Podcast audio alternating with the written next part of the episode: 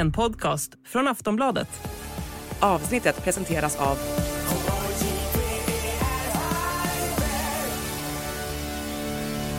Stödlinjen.se, åldersgräns 18 år.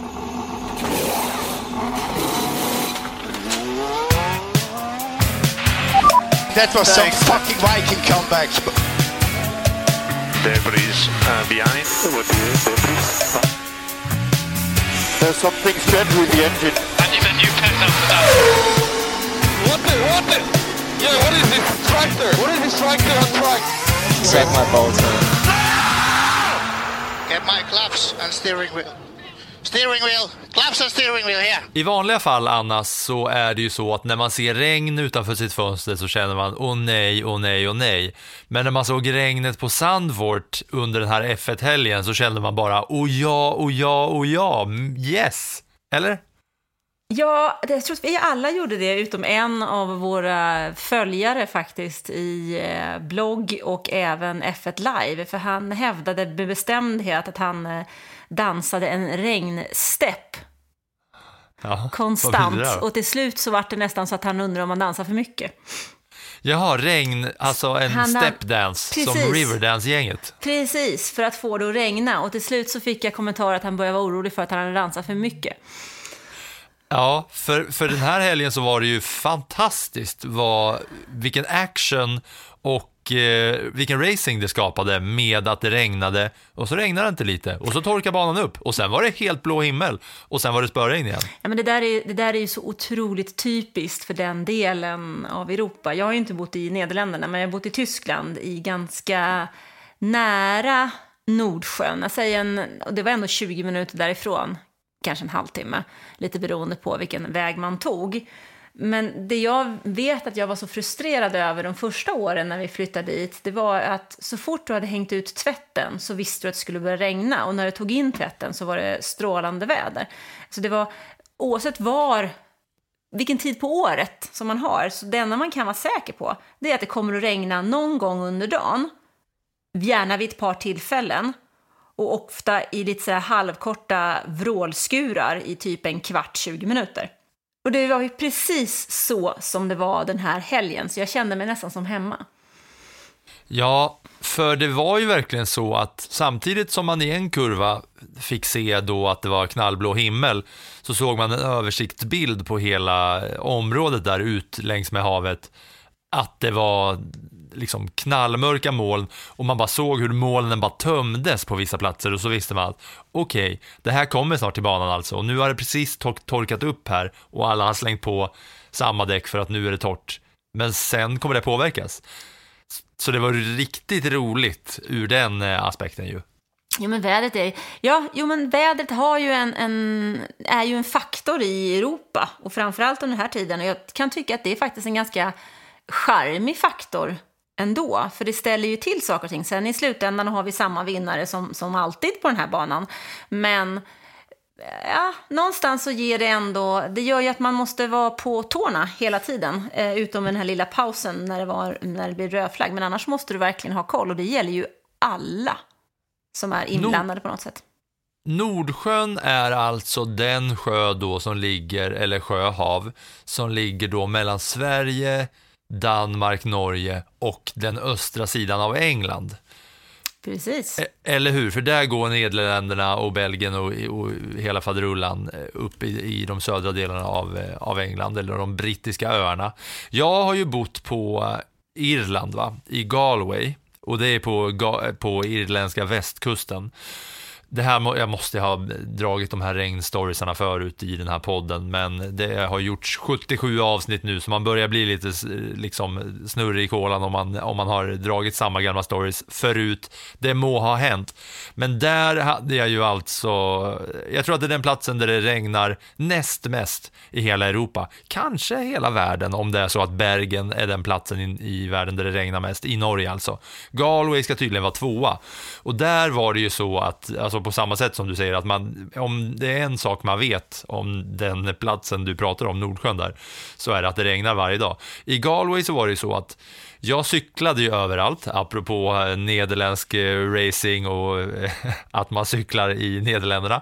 Men jag cyklade ju överallt och under då de tre månaderna som jag hann bo där innan covid kom och liksom gjorde kaos med, med världen och livet, så var det ju så att Oavsett om jag var inne i, liksom på, eh, jag, jag var där och pluggade sportjournalistik, och så oavsett om jag var liksom inne i eh, affären och handlade i 25 sekunder eller om jag satt på en lektion i två timmar, så var alltid min sadel blöt när jag kom ut för att sätta mig på den. Även om det var knallblå himmel när dagen började och det såg ut som att oj, det här kommer bli den finaste dagen i mannaminne och framförallt den finaste dagen någonsin i Galway så kom man alltså ut där och så var eh, sadeln sadeln dyngblöt. När jag spelade golf i Galway så fick jag fyra olika väder på fyra olika slag. På utslaget på ett par fyra hade jag supersol och knallblå himmel. På andra slaget så hade jag, eh, då liksom började molnen hopa sig och det var vindstorm. Tredje slaget, hagel och sen när jag puttade i hål eh, så var det spöregn. Ja, men det, det låter ju som eh, Flensburg. Jag får tänka på den här gamla, min farfar, början av 1900-talet spelade ofta en låt som hette typ Gamla Nordsjön, de svallar och brusar. Det kändes lite så. Vad är det för låt då? Gamla Nordsjön som svallar och brusar. Ja, men du som är musiker borde väl veta det? Harry Brandelius. Ja, det, det, det, är, det är rejäla krav på alla, alla, världens, alla Sveriges musiker att ha koll på alla Harry Brandelius-låtar. Gamla Nordsjön som svallar och brusar under vindarnas växlande gång Nej, min eh, farfar födde början av förra seklet som ofta gillade den låten. Harry Brandelius är ju då, för den som undrar, kanske är det så att vi har några yngre lyssnare som inte har växt upp med Harry Brandelius, som har kommit till oss via Drive to Survive och tänker, vad är den här Harry Brandelius? Utöver då eh, superhitten Nordsjön, så har han faktiskt gjort Med en enkel tulipan, Harry Brandelius. Med en enkel tulipan på bemärkelsedag Jag har den äran, jag har den äran att gratulera Ungmön på Kärringön har han gjort också. Den allra vackraste lilla ungemön som någonsin funnits på Kärringö Ja, hon blev min hon och hon var blåögd och hon var fager, ja nästan skön Kärringön har jag faktiskt varit på. Men det är väl Göteborg det? Ja, det är utanför Göteborgskrokarna. Mm. Nordsjön vet du. Fin plats. Du, eh, ska vi prata om eh, regnet på Sandfort istället för regnet i Flensburg och Galway? Det tycker jag, det tycker jag verkligen. För att det är en helg som har varit så otroligt mycket att prata om ändå, även om regnet hade en väldigt, väldigt viktig roll. Framförallt tycker jag att den hade en väldigt viktig roll under lördagens kval. För det som var intressant tycker jag är ju hur ett team som Williams plötsligt i de här eh, mixade förhållanden, de här upptorkande förhållanden, kör in två bilar i Q3. Sen blev det lite för mycket för Logan Sargent som inte klarar av att inse att det är ju grymt att jag är i Q3. Nu ser jag till att hålla bilen på banan, för tar jag allting annat än plus 10 så är det bra. Istället så kraschar han, vilket antagligen ställde till lite spöken i hans eget huvud framöver. Men jag tycker att där eh, ser man också vad den här typen av förändringar i väderleken och förhållanden gör. För, för det var ju så här att vi hade ju en, eh, en asfalt på Sandfort som var blöt och sen som torkade upp på ett visst ställe så att det var svårt att veta, ska man köra på soft, ska man köra på intermediates, ska man eh, liksom, ja, man, fick, man fick anpassa det under tiden baserat på hur, hur det här regnet betedde sig, vilket var mycket roligt. Men jag tycker det är kul att, vi, eh, att just med Williams, alltså Alex Albon har ju visat det förut, att eh, han kan eh, köra, köra bil. Och Williams har ju börjat visa det vecka efter vecka, att de är en bil att räkna med i de högre regionerna när det väl passar dem ju. Eh, sen var det ju så, Sargent har ju liksom, alltså Logan Sargent har ju pressen på sig. Det var mycket, mycket snack och fokus innan på att nu är det dags för Logan Sargent att, le att leverera efter det här eh, sommaruppehållet och att så här, ja nu har han fått en halv säsong på sig. Det börjar bli dags att eh, man ska kunna se det här i protokollet också, att det här är en förare värd att satsa på. Och det är precis vad han gör när han tar sig till Q3, men det är lite som så här, i och med att det är första gången han tar sig dit. Han är där och nyfiken under hela säsongen på, hur är det egentligen att vara i Q3? Så kommer han dit, äh, inget för mig, krasch, pang. Och sen eh, var det tack och hej till honom. Samtidigt som Albon återigen gör succé. Och med åtta minuter kvar av Q3 så var det faktiskt så att Williams var 1-2 med Ja, ja. Albon Sargent. Jag noterade ju det, men så tänkte jag att åtta minuter, det hinner hända väldigt, väldigt mycket på åtta minuter. Men det som är intressant tycker jag med Williams, det är ju dels så ställer de ju in bilen för att de ska vara med på lördagen, för det är deras chans till söndagen. Eh, och dels så känns det som att James Vowles har gjort ett otroligt jobb i det här teamet med att strukturera upp det, med att hitta ett system som fungerar för hur de ska jobba för att nå någonstans. Alltså, kontinuerligt ta steg framåt. Och dessutom så är det intressant att se hur Albon har tagit sig tillbaks och på något sätt så har man lyckats glömma bort att han faktiskt fick sparken från Red Bull. Det är på något sätt som att han har en andra karriär nu, för det som han gör nu eh, värderas högre än det som han gjorde intill Verstappen.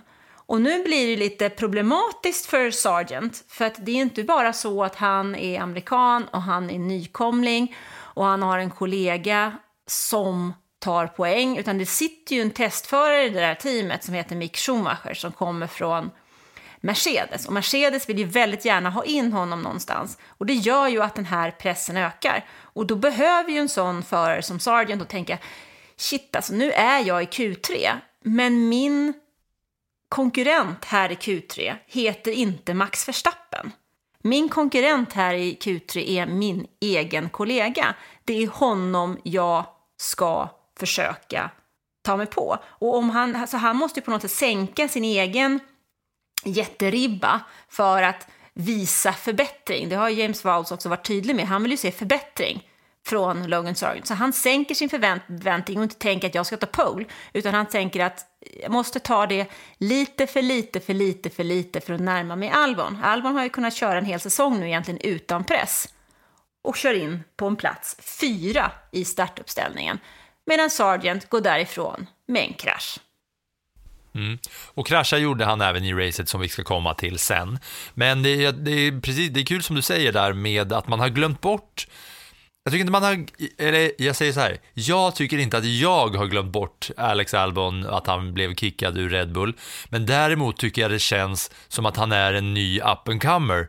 Igen, som du säger, att han är liksom en eh, ny talang eh, som, som bevisar sig här på F1-scenen, vilket gör att folk får upp ögonen för honom. Fast, det, fast man redan har fått det en gång tidigare.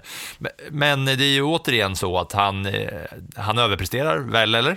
Med en fjärde plats. Ja, men det tycker jag att den gör. Eh, och sen är det också, han, han kan ju verkligen dra nytta av de förhållanden som var den här helgen. Så just de här mixade förhållandena, det passar ju, det passar ju dem. Sen är det ju också, tycker jag, tydligt att Williams har tagit steg framåt medan andra team i den bakre regionen inte alls har gjort det. Haas, Alfa Tauri, Alfa Romeo, de har ju tappat i förhållande till Williams som faktiskt har klivit framåt. Mycket med hjälp av Alex Albon. Och det känns lite just nu, tycker jag, som att Albon och eh, Williams är en bra fit också. Att de passar bra ihop, att de jobbar och utvecklar sig tillsammans, vilket jag tror passar bra för Albon. För egentligen tror jag att han var lite för ung för att ta den rollen hos Red Bull som han gjorde där. Och han är ju inte den enda som har åkt på stryk av Max Verstappen och flygit ut ur det där teamet. Det har ju, Gasly har också gjort det. Ricciardo själv flydde ju när, i stort sett när Verstappen kom. Så att, eh, han, han, var kanske, han hade kanske behövt lite mer tid att växa in i det där. Nu har han fått de där åren, han har tagit de där smällarna och fått en chans till. Och det ska han vara oerhört tacksam för, för det är inte många som får. Nej.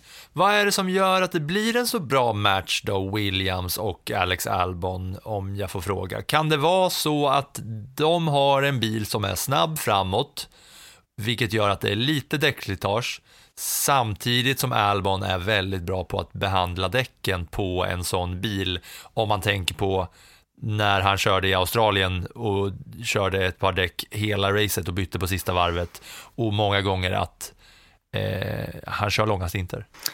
Ja, men jag tror också att eh, en anledning är att de är på rätt ställe i livet. Alltså, James Vowles har tagit över det där teamet, det gjorde han strax inför säsongen och han har börjat bygga någonting. Alex Albon har varit på toppen, fått en smäll, åkt ur Formel 1, fått en, en ny, ett ny chans till liv egentligen när han fick chansen efter George Russell i Williams. Och så har han tagit den och de, de, de är på något sätt på samma ställe. Jag tror inte att det hade varit samma fina match om det hade varit eh, Russell för tre år sedan. Nej, förlåt. Eller Alex Albon. Albon, Eller Al- Al Albon Ja, för tre år sedan. Men vi såg ju också när Russell körde i Williams så funkade det också bra. Alltså de har ju haft, det är liksom inte alla som har varit Latifis i, i Williams, liksom, utan det har ju faktiskt funnits förare. Bottas var också en förare som funkade jätte, jättebra i Williams, även om det var ett annat styre i den, eh, det stallet på den tiden. Så jag tror egentligen att det mycket har att göra med ja, men man är på rätt plats vid rätt tillfälle. Sådana saker tror jag är, är viktiga. Nu låter jag otroligt filosofisk, men jag tror att det är just det där med... Ah, filosofisk, inte otroligt filosofisk. Nej. Där har du en bit kvar. Där är Harry Brandelius filosofisk, eh, det är en bit kvar dit. Ja, men då så, vad bra. Nej men, nej, men jag tänker att jag tror att det där är... Och sen så James Ung man Val... på kärringen. Det är filosofi Det är filosofi. Nej, men jag, och poesi. just det här, det är rätt tid på rätt ställe och det är ju så otroligt viktigt i Formel 1. Vad hade Jenson Button varit om han inte hade råkat vara i Braun ett visst år? Ingenting. Mm.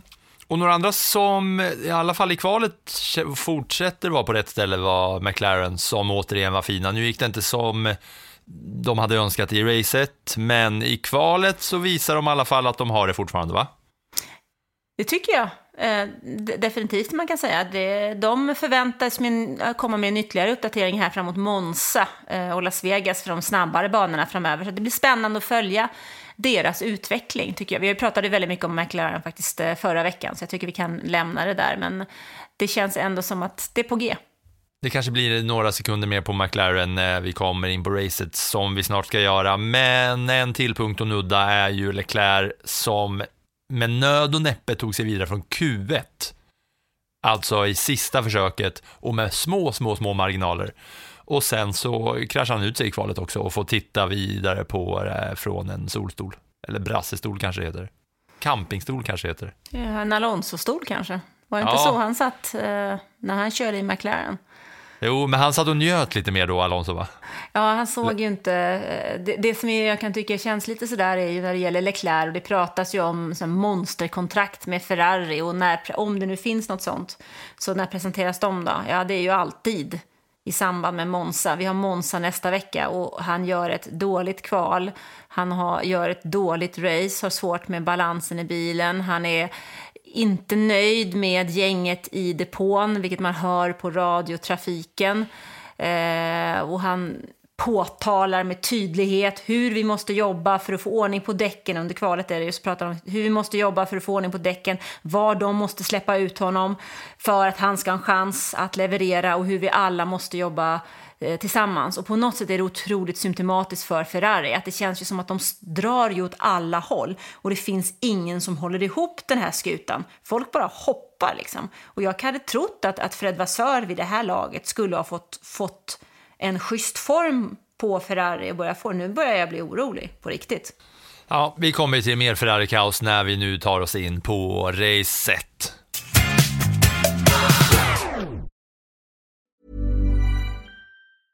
Hey, I'm Ryan Reynolds. Recently, I asked Mint Mobile's legal team if big wireless companies are allowed to raise prices due to inflation. They said yes. And then when I asked if raising prices technically violates those onerous two year contracts, they said, What the f are you talking about, you insane Hollywood ass?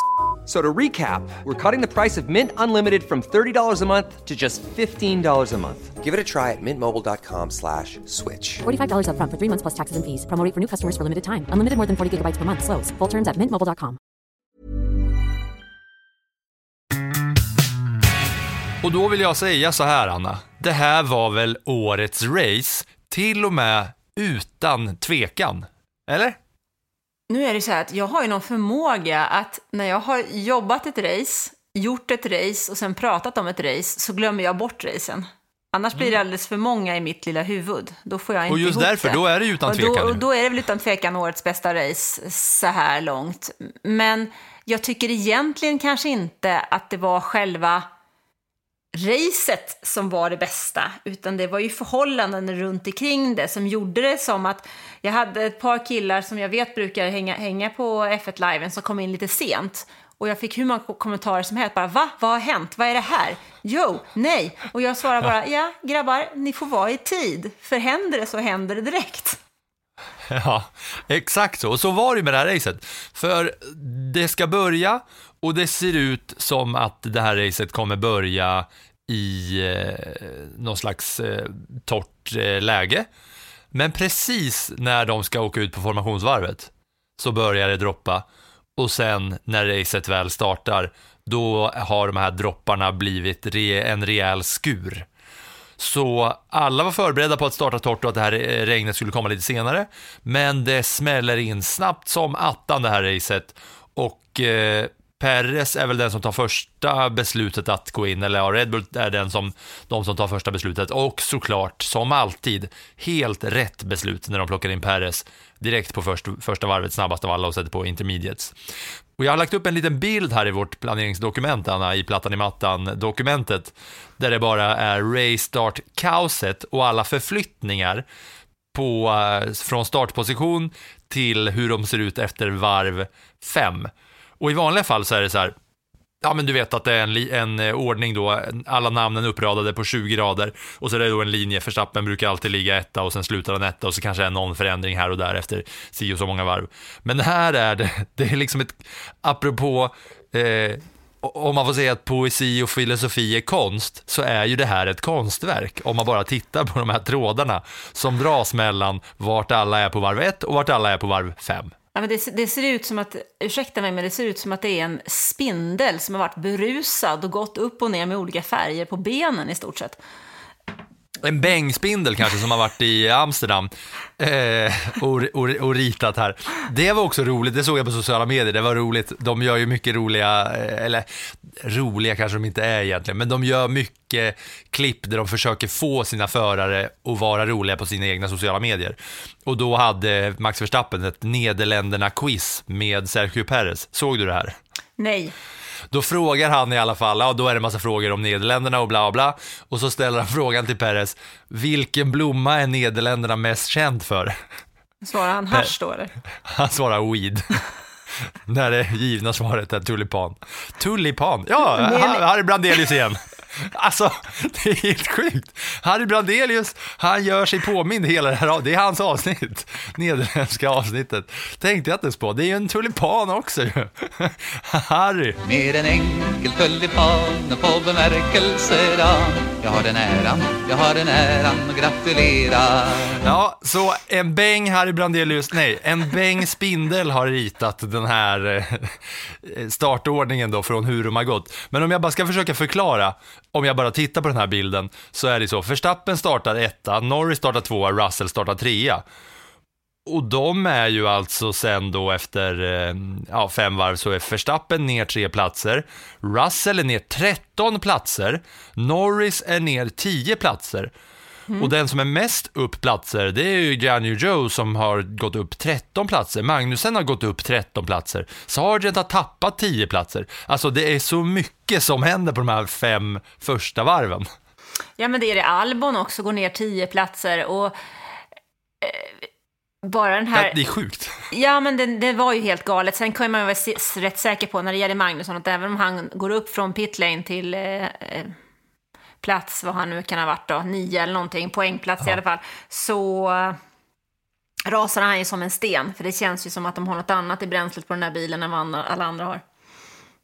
Ja, men, men om vi tar då Perres eh, i början och Red Bulls eh, som vanligt helt korrekta beslut att plocka in Perres på en gång samtidigt som Max känner, nej men eh, jag kör ett varv till, det klarar jag av. Och det klarar han ju av såklart eftersom att han är överlägset bäst.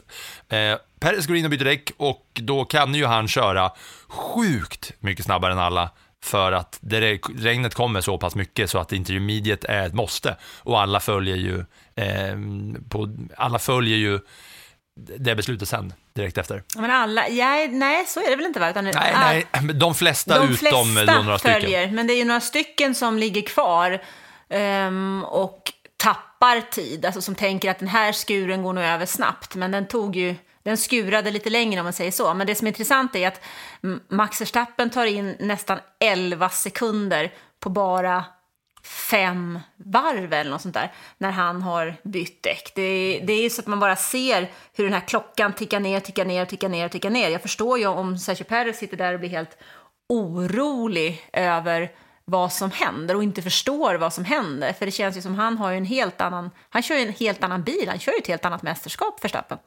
Jag Ja, kände ju- på mig själv där också när jag satt och lajvade att jag, jag struntade i honom. Det händer så mycket annat som var intressant. Men Verstappen, honom kan vi låta vara. Ja, det är ju alltså helt otroligt. Jag kollar nu på alla eh, pitstops eh, som gjordes och vilka som hänger kvar på röda däck och vilka som går in och byter. Och det är så att Albon och Piastri, de hänger kvar i 44 respektive 46 varv. Eller ja, jag vet inte hur man räknar då. De byter på varv 44 och varv 46. Jag vet inte vad, vilket tillhör. Sargent ligger kvar, kraschar ut sig sen, det kommer vi säkert på. Bottas ligger kvar i 16 varv, Hulkenberg ligger kvar i 16. Ja, och några stycken. Nej, Piastri byter på 15 till nya mjuka verkar som. Ja, eh, men, men de flesta går in och byter till intermediates i alla fall. Och det är ju som du säger, det intressanta blir när Verstappen går in efter två varv och byter däck. Perez byter ju direkt och Verstappen kör ett extra innan han byter. Men sen kör han alltså in 10,7 sekunder på Perez mellan varv 6 och 11. Och då har han även overtakes att göra, Max Verstappen. Jag tror att han gör två omkörningar på de här varven också, samtidigt som Perez då har bytt till intermediates först av alla, är längst fram, fritt körfält, Inga problem med synen, inga problem med att bry sig om bilar som är framför honom. Men Max Verstappen då, eh, han har liksom regnstänk, han har att förhålla sig till vilka bilar man köra, behöver köra om och trots det så kör han in 10,7 sekunder mellan varv 6 och 11. Han kör in 4 sekunder på Perez på varv 7 och de har samma bil och de har samma däck. Ja, det är ju helt ofattbart egentligen att det ens går. Jag tycker att av alla grejer, alltså det, har, det är ju liksom, det är ju även en blind kan ju se att Verstappen är överlägsen alla andra och mest överlägsen sin egen teamkollega eftersom att de kör i samma material. Men jag tycker att här i Nederländerna så symboliseras Max Verstappens överlägsenhet allra bäst och allra tydligast. För att det är som klasskillnad på samma däck, på samma bana, i samma material och kör in 11 sekunder på fem varv. Det är ju gaulot. Ja, nej men det är, det är ju en sån klasskillnad och det är väl det som gör lite grann att man eh, känner en viss oro för framtiden för Sergio Perez i alla fall. För mm, visst, han är tvåa i VM, visst, han har ett kontrakt, men han blir ju krossad.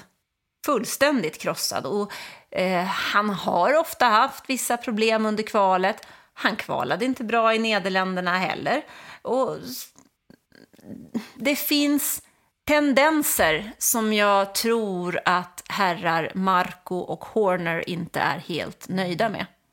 Mm. En till eh, liten krydda till den här eh, soppan är ju att Perez ligger ju där längst fram och han har ju egentligen möjligheten att bara köra som en dåre därför att där, där ger, han ges ju chansen att vinna racet och bryta Verstappens streak. Men Verstappen kör ju där som eh, like a madman där bakom och då när Verstappen sen byter tillbaka från intermediates när banan börjar torka upp så byter han på varv 11 så byter han tillbaka till soft, det vill säga han går in före Perez. Och då hör man då en skräckslagen lilla, lilla Perez på radion som frågar did Max undercut us? Och då svar, får vi svaret, ja, han undercuttade oss. Och där de egentligen, liksom, sanningen är ju, ja, han undercuttade oss så jävla lätt, dessutom. Men Perez är ju liksom lite rädd och ledsen när det händer. Ja, men han, Perez har i det här läget egentligen ingen koll på hur långt bakom eller hur nära bakom som Verstappen faktiskt var. Och teamet, ja vad ska de göra? De kan ju inte göra, Max Verstappen är ju som person en sån som går för en seger. De kommer ju inte kunna stoppa honom från att eh, vinna i det där läget, utan han kör ju på sin maxnivå.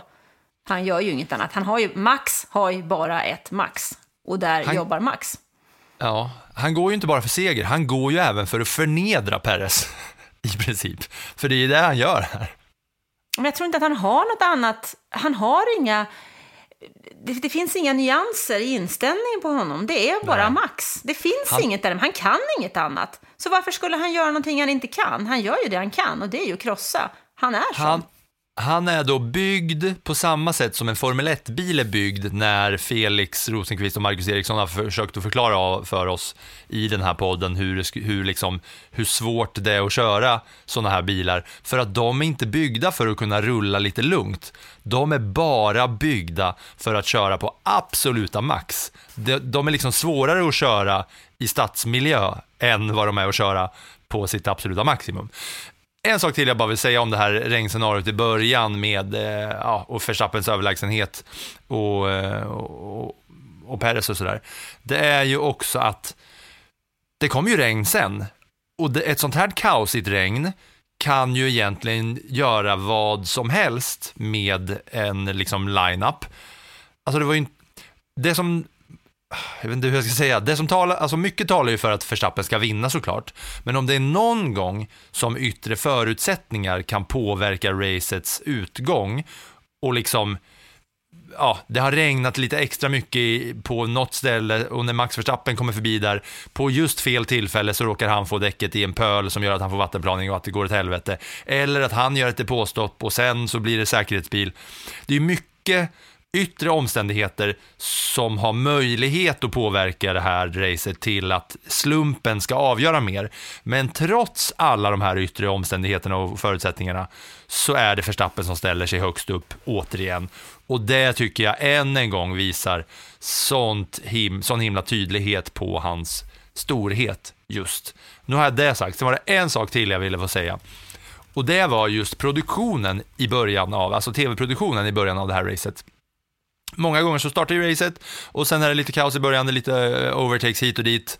Och sen så får man en ganska lång repris på eh, omstarten. Är du med på vad jag menar, Anna? Ja. Att man får se liksom en lång repris på, så här gick starten till och så får man se lite olika eh, onboards på vissa omkörningar som görs. Och det rullar i ett par minuter. Men det som hade hänt här, det var ju att när de här repriserna rullade, så var, när man kom ut igen så bara tappade man alla sina hakor som man hade för att det var ju helt förändrat då i fältet, just på grund av det här startkaoset. Och då blev man lite blåst på konfekten i början.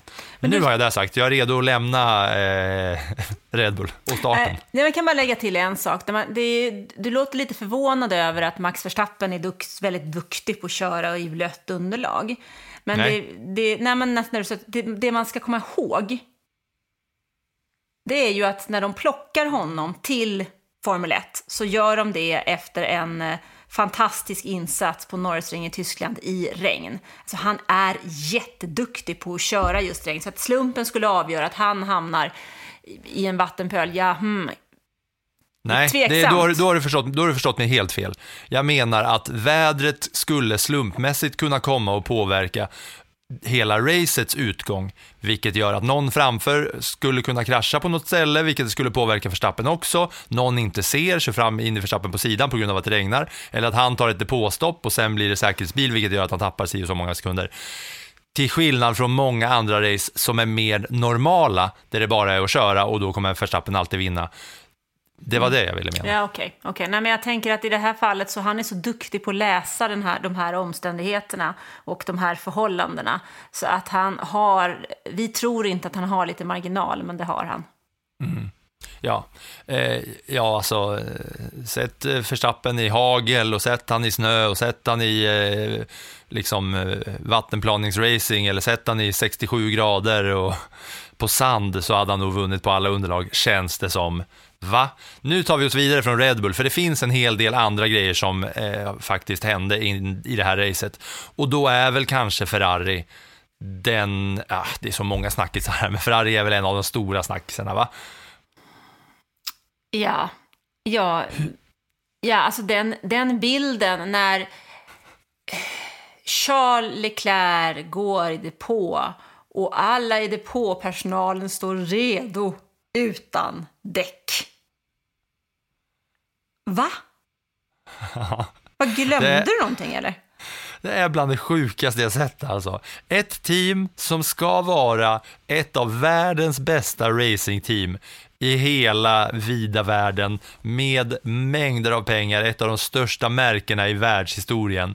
Alla står redo, mutterpistolmannen sitter redo, han som ska lyfta upp bilen står redo, alla som ska bara hålla i bilen och stabiliseras. De har liksom fyra personer som bara ska hålla i bilen så att den är, så att den är still i luften när de har lyft upp den och alla står redo. Och ingen har lagt märke till att va, vi har ju inga däck. Va, det regnar. Va, hur kan vi inte... Alltså, det är en sak så här, visst, man kanske är hyperfokuserad på sin uppgift. Är man den personen som bara ska hålla i bilen under 2,3 sekunder så kanske man är fullt fokuserad på, ja, okej, här, jag ska stå så här, mina fötter, ska, jag ska ha den här liksom fotplaceringen, höften ska vara vriden så här, högerhanden ska vara en millimeter över vänsterhanden.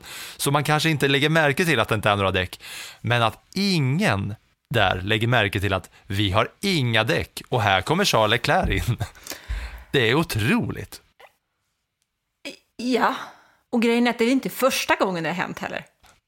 Det är inte första gången de är inne där och fördärvar som eh, Jonas Björkman hade sagt. Och det är ju så här också, om man, om man skulle vilja vara lite Ferraris djävulsadvokat så kan man ju säga så här, ja men den här regnskuren kom så mycket tidigare, men de har ju en prognos. De vet ju att regnet ska komma någon gång. Är man inte förberedd på att det kanske kommer regna snabbare än vad, eh, vad, vad de tror, vad gör de? Sitter de inne och kollar på, eh, liksom, testar, testar Harry Brandelius Swedet och liksom har det gött där inne i Ferrari-depån och glömmer bort de där däcken, sitter och konverserar. Nej, men grejen är väl det att de kanske inte är vana vid det. Det regnar inte på samma sätt i Italien som det gör vid Nordsjön, vet du. Nej, jag vet inte. Men jag tycker att det är så himla sym symptomatiskt för, för Ferrari i år att struktur, har, om det någonsin har funnits något uns av struktur i det där teamet så är det som bortblåst, liksom.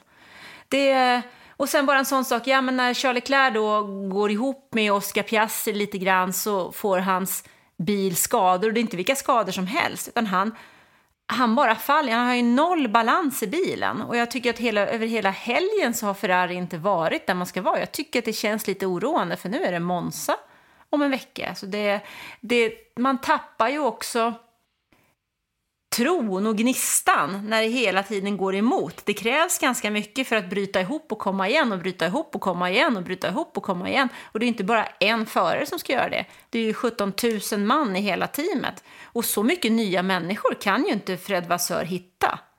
Han kan ju inte byta ut tusen gubbar. Nej, det, det hade varit snyggt om man hade bytt ut tusen, tusen gubbar. Men det är ju så här att Leclerc, eh, han byter på första, efter första varvet eh, från soft till eh, intermediates. Och då är de inte redo, eller ja, alla är extremt redo, förutom däcken. Eh, sådär. Men var det inte även så att han slog ihop på första varvet Jo. och fick problem med Precis. nosen.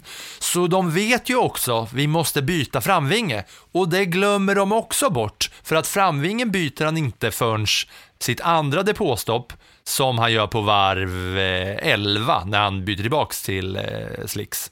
Vilket också, det är ju inte bara att de glömmer bort däcken, de glömmer ju bort vingen också. Ja, nej, men jag, jag vet snart inte vad jag ska säga mer, för att det är så mycket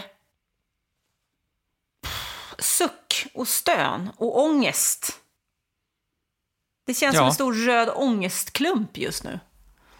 Ja, och det måste man väl säga att det är, för Leclerc är nu eh, omkörd av sin kollega i mästerskapet. Sainz har nu 102 poäng och Leclerc har 99 poäng och snart så kanske det är så att eh, om McLaren-bilarna fortsätter köra finfint så kanske de också är förbi Leclerc som är det stora affischnamnet för Ferrari och som det mesta tyder på att han ska förlänga och fortsätta vara det här affischnamnet för dem då. Och Monza eh, nästa vecka och allt sånt där. Va? Han eh, slutar ju med att han får DNFa det här eh, racet också. Okej, då lämnar vi Ferrari kanske, eller vill man säga att Sainz faktiskt var jätteduktig? Vill du det? Eller ska jag säga Sainz var jätteduktig? Han var duktig ju. Va? Tycker du inte det? Han var bra. Sainz var ju bra. Ferrari var ju fruktansvärda, men Sainz var bra. Ja, är det så du tycker? Jag tycker att hela Ferrari faktiskt behöver... Eh, jag tycker inte att det här är... Man, kan, man egentligen kan sitta och säga att han var bra och han var mindre bra. Utan jag tycker någonstans att hela det här teamet skulle behöva stoppas in någonstans och skakas loss och skakas runt och få ordning på alltihopa. För att Sainz är ändå femma. Alltså, Ferrari ska ju vara ett team som har i alla fall en förare på pallen. En femte plats. En femte plats är väl inte vad de ska komma hem med till Monza. Och vi var inne ganska mycket på Williams i kvalet och även Logan Sargent då, men här var det ju så att han hade sina bästa möjligheter trots kraschen då i eh, Q3. Men han kraschar även i racet och då trodde man att det var, eh, när det, när det hände så tänkte man att ja, det var lite klantigt, rookie mistake och så vidare. Men enligt James Vowles så var det ett hydraulikfel som gjorde att han inte kunde svänga undan när han väl kraschade där. Eh, ja, jag vet inte, vill vi säga något mer om det? Att han hade möjligheterna, men eh, ja, nu eh, säger Vowles att vi som team ska hjälpa honom för att det var inte hans fel det här. Nej, men jag tänkte när man såg honom sitta i slänten med hjälmen på huvudet under en lång, lång tid efter den där smällen så kände man för killen och jag känner någonstans också att det där var väl precis det som han inte behövde för att kunna ta nästa steg. Mm. Mm, en annan eh, i, dess, med liksom, i dess rätta bemärkelse rookie hade vi i Liam Lawson efter att Daniel Ricciardo kraschade bort ena handleden på träningen och då fick inte då den som var på plats och reserv Nyck de Vries, han fick inte chansen. Utan det var ett statement att inte ge då den som har kört halva säsongen i Alfa Tauri och som var på plats och redo att kunna göra det. Han fick inte köra utan istället plockade Alfa Tauri in Liam Lawson som med en träning och det här mardrömsscenariot till första F1-race kör in på en trettonde plats. Jag tycker faktiskt han gör det jätte, jättebra. Alltså, Eh, Daniel Ricciardo gör ett misstag under kvalet och han inser att han har två alternativ. Antingen köra på Oscar Piastri in McLaren eller också sätta sig i muren.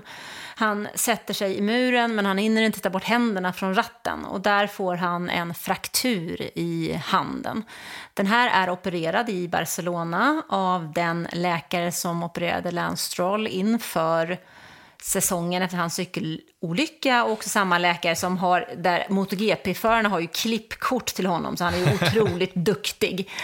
Sen är ju då frågan hur lång tid tar detta till han kommer tillbaka? Den frågan fick jag ungefär 10 000 gånger i helgen. Ehm, det är ju ingen som vet. Det kan ju vara så att han blir borta ända fram mot oktober eh, och Japans GP, men vi kan ju räkna med att eh, Liam Lawson i alla fall sitter i bilen även till nästa helg. Eh, för där är, finns det ju ingen chans att han ska kunna köra igen när man kör på Monza. Sen vet vi inte mer. Christian Horner sa tre veckor, sex veckor, åtta veckor. Vi får se. Senaste uppgiften jag såg var Japans GP. Så att, eh, det är en bit kvar. Men Liam Lawson vart ju, han kör ju annars Superformula i Japan och det är ju det näst snabbaste formelbilsmästerskapet efter Formel 1.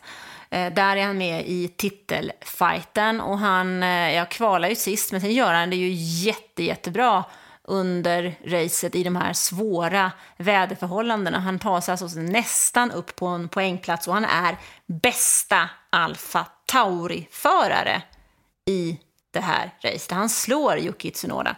Och det vi kan ta med oss av detta är ju att pressen ökar ju ytterligare på Daniel Ricciardo, men även på Sergio Perez.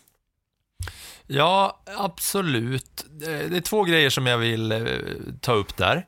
Det första är när du säger att han kör eh, den här formelbilsracingen som är den näst snabbaste efter Formel 1. Det betyder att Formel 2 inte är snabbast efter Formel 1. Korrekt. Tack, tack, så smart var jag. Men vad, vad är det här för eh, serie då? De? Det är, det är det japanska formelbilsmästerskapet, eh, alltså man kör formelbilar i Japan. Det är ett eh, där väldigt, väldigt populärt eh, mästerskap och det är, jag tror Felix Rosenqvist har kört det också, faktiskt. Det är inte helt ovanligt att man sätter förare och köra det. Okej.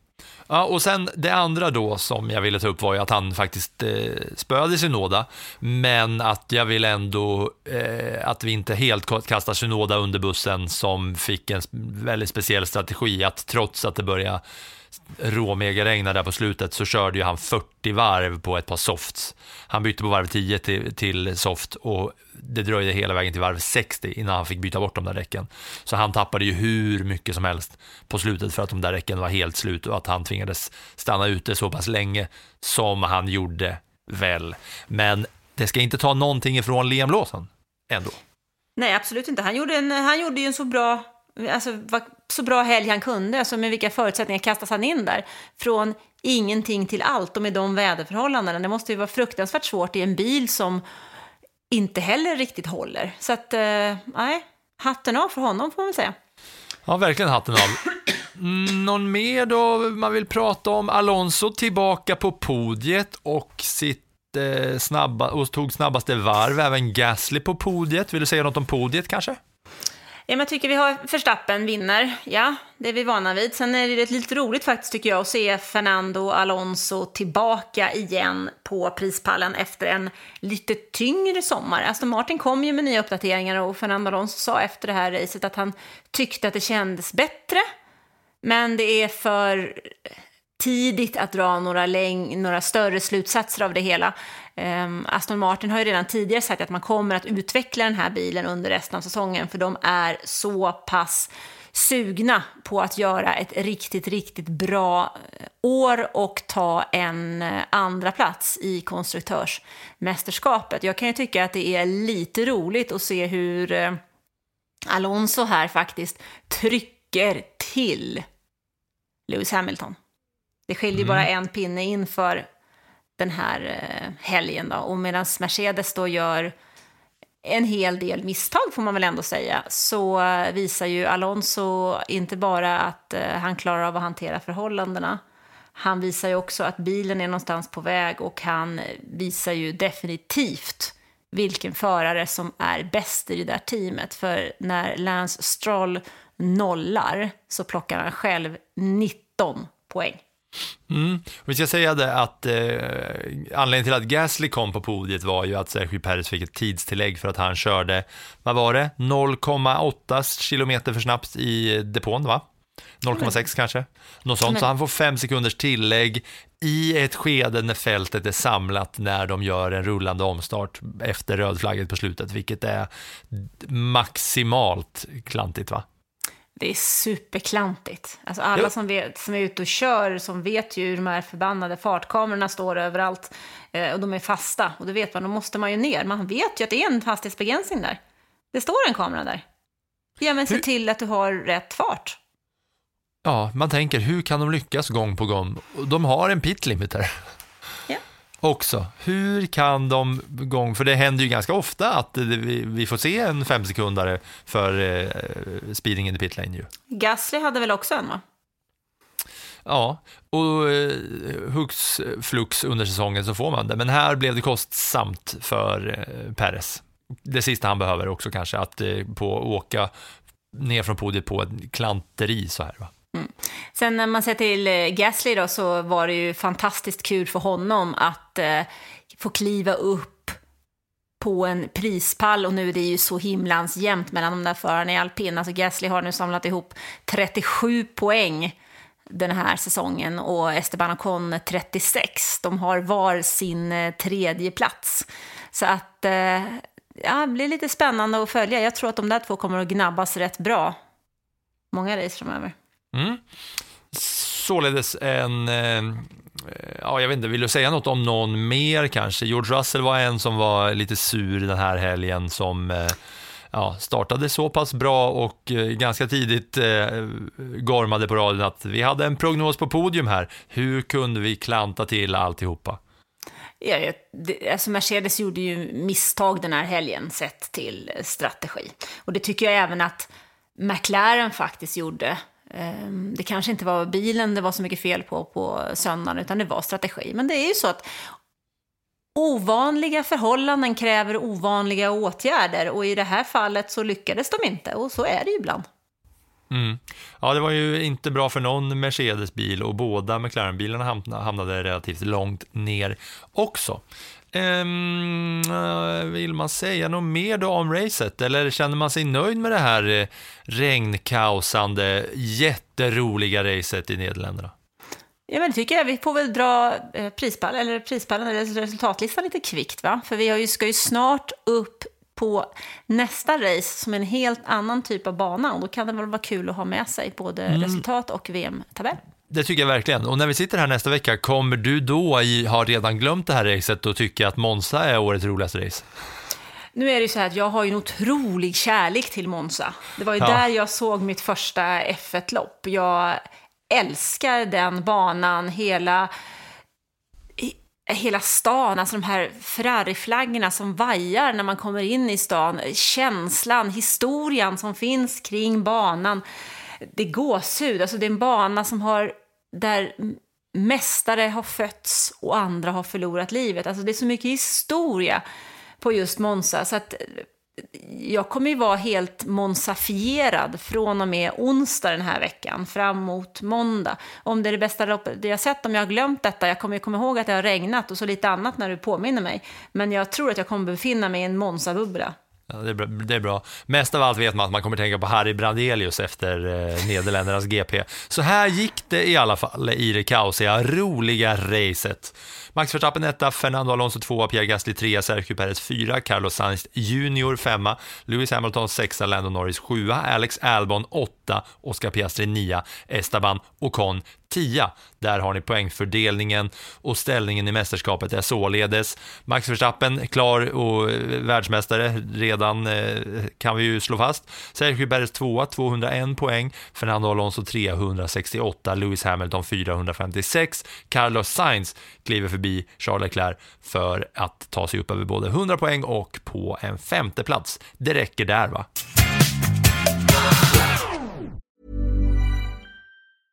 Hej, I'm Ryan Reynolds. Recently, I asked Mint Mobile's legal team if big wireless companies are allowed to raise prices due to inflation. They said yes. And then when I asked if raising prices technically violates those onerous two-year contracts, they said, "What the f*** are you talking about? You insane Hollywood ass." So to recap, we're cutting the price of Mint Unlimited from $30 a month to just $15 a month. Give it a try at mintmobile.com slash switch. $45 up front for three months plus taxes and fees. Promo for new customers for limited time. Unlimited more than 40 gigabytes per month. Slows. Full terms at mintmobile.com.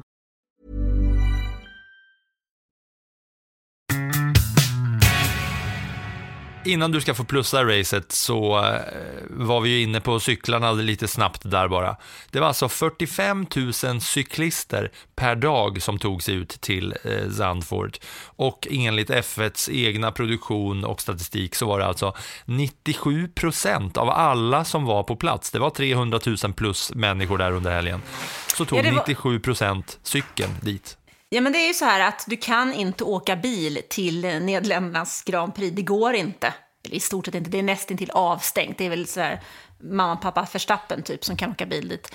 Annars är det cykel eller eh, fot, fötter som gäller. Det är kommunalt man ska åka dit. Det är en del i deras satsning för att göra Formel 1 lite mer eh, klimatsmart och också för Nederländerna att man, det ska vara en schysst eh, inramning kring det här racet fantastiskt på alla sätt och vis måste jag säga. Och de som har varit i Nederländerna, många kanske har varit i Amsterdam någon gång, där får man ju se sig om till höger och vänster hela tiden för att alla cyklar alla cyklar överallt och hela tiden. Jag var där ganska nyligen eh, och jobbade lite för Aftonbladet, eh, var nere på eventet för eh, nästa släpp av EA Sports fotbollsspel som alltid har hetat Fifa, men nu heter det EA Sports FC. Då var vi nere, jag och kollega Leo Pettersson, i Amsterdam och jobbade och vi garvade så mycket åt att det gick inte att gå mer än två meter utan att man var tvungen att kolla höger och vänster för att alla cyklar. Och då finns det då bilder på Sandfort här nu, där man i vanliga fall brukar se så överflygningsbilder så är det på hur många bilar som helst som har parkerat. Men här är det liksom, ja, det ser ut som en myrstack och det är då cyklar i oändlighet alltså. Bra jobbat av dem, alla. Alltså jag undrar bara hur man ska hitta sin cykel där när man är klar. Så var parkerar jag cykeln? Bland 45 000 andra. Ja, nog om det. Nu vill jag, höra, nu vill jag höra vad du har för plus på det här eh, racehelgen.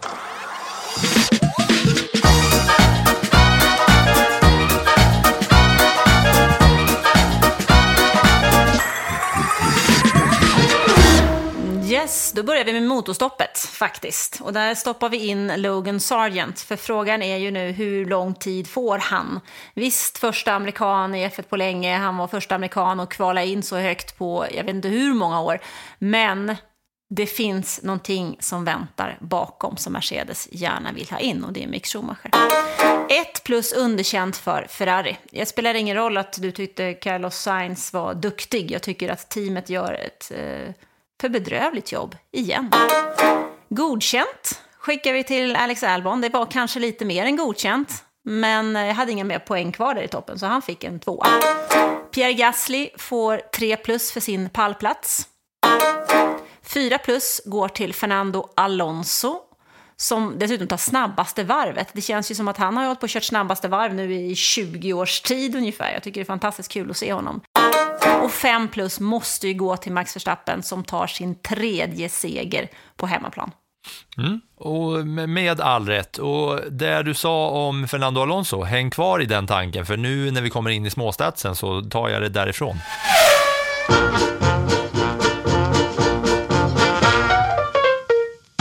Och det är nämligen så här att de här 20 åren som du sa ungefär till, det är på dagen nästan rätt, för han tog sitt första snabbaste varv 2003, för 20 år sedan i Kanada. Och han tog sitt senaste snabbaste varv i Ungern 2017.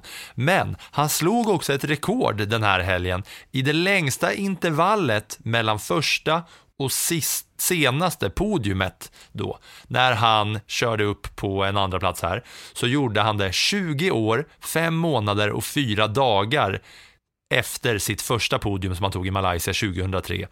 Eh, och då slog han alltså Mikael Schumacher som tidigare hade det rekordet med 20 år, 3 månader och 2 dagar mellan Mexiko 92 och Europas GP 2012. Va? Det är väl sjukt va? 20 år! Det är en livstid typ.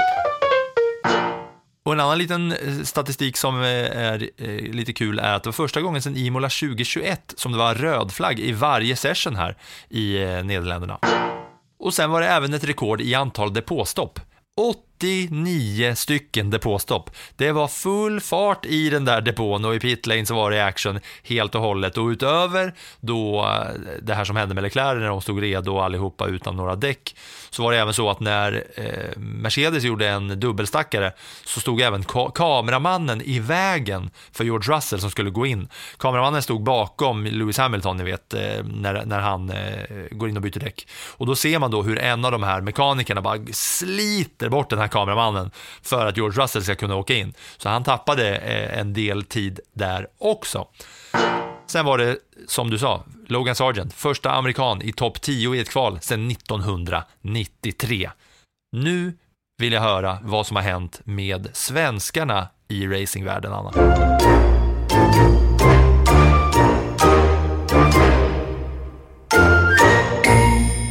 Jo, men vi kan väl börja hos Marcus Eriksson då. De här eh, snacket som det har handlat om att han kanske skulle vara på väg att byta från Ganassi efter fyra säsonger är det väl.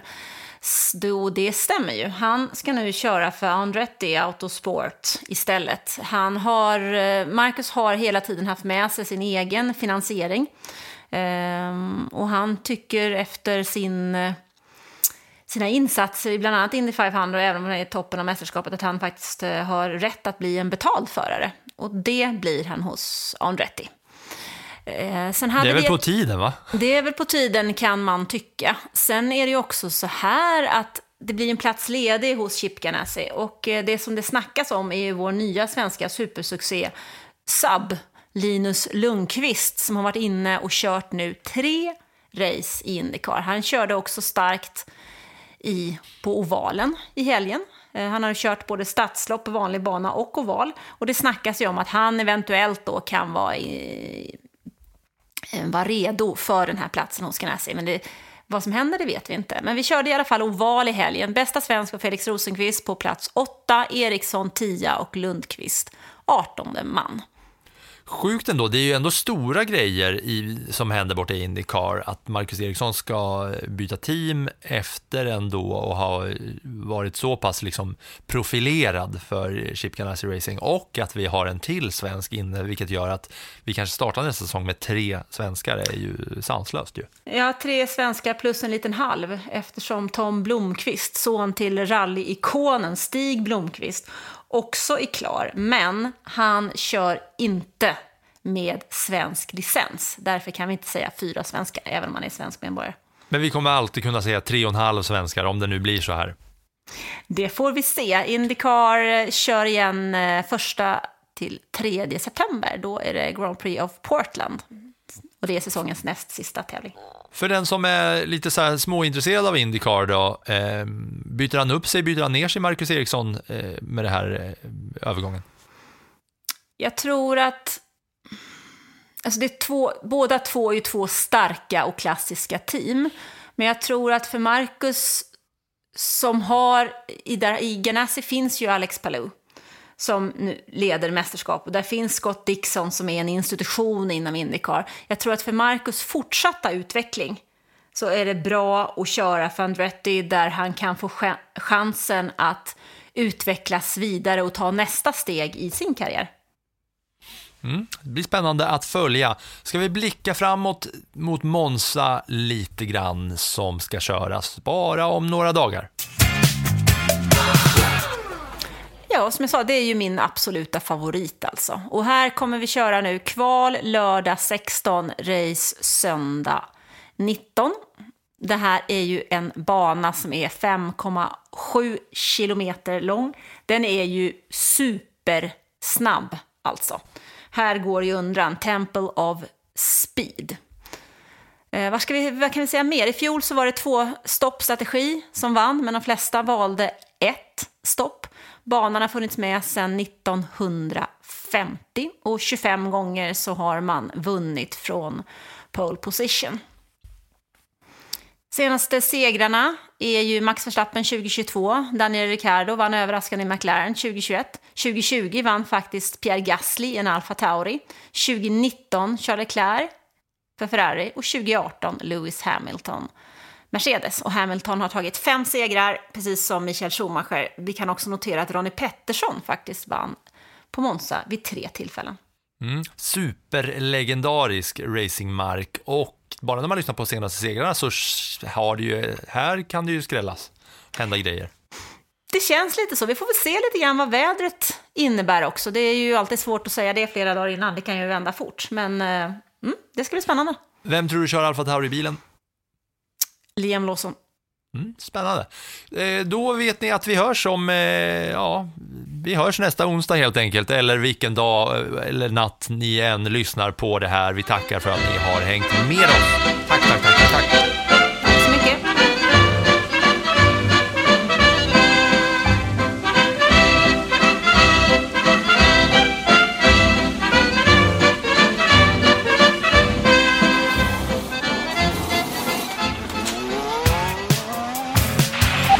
That was some fucking Viking comeback.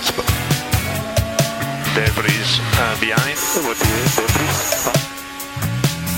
There's something strange with the engine. And you've a new pet after that. What the, what the? Yeah, what is this tractor? What is this tractor on track? Check my Bolton. Get my claps and steering wheel. Steering wheel. Claps and steering wheel here.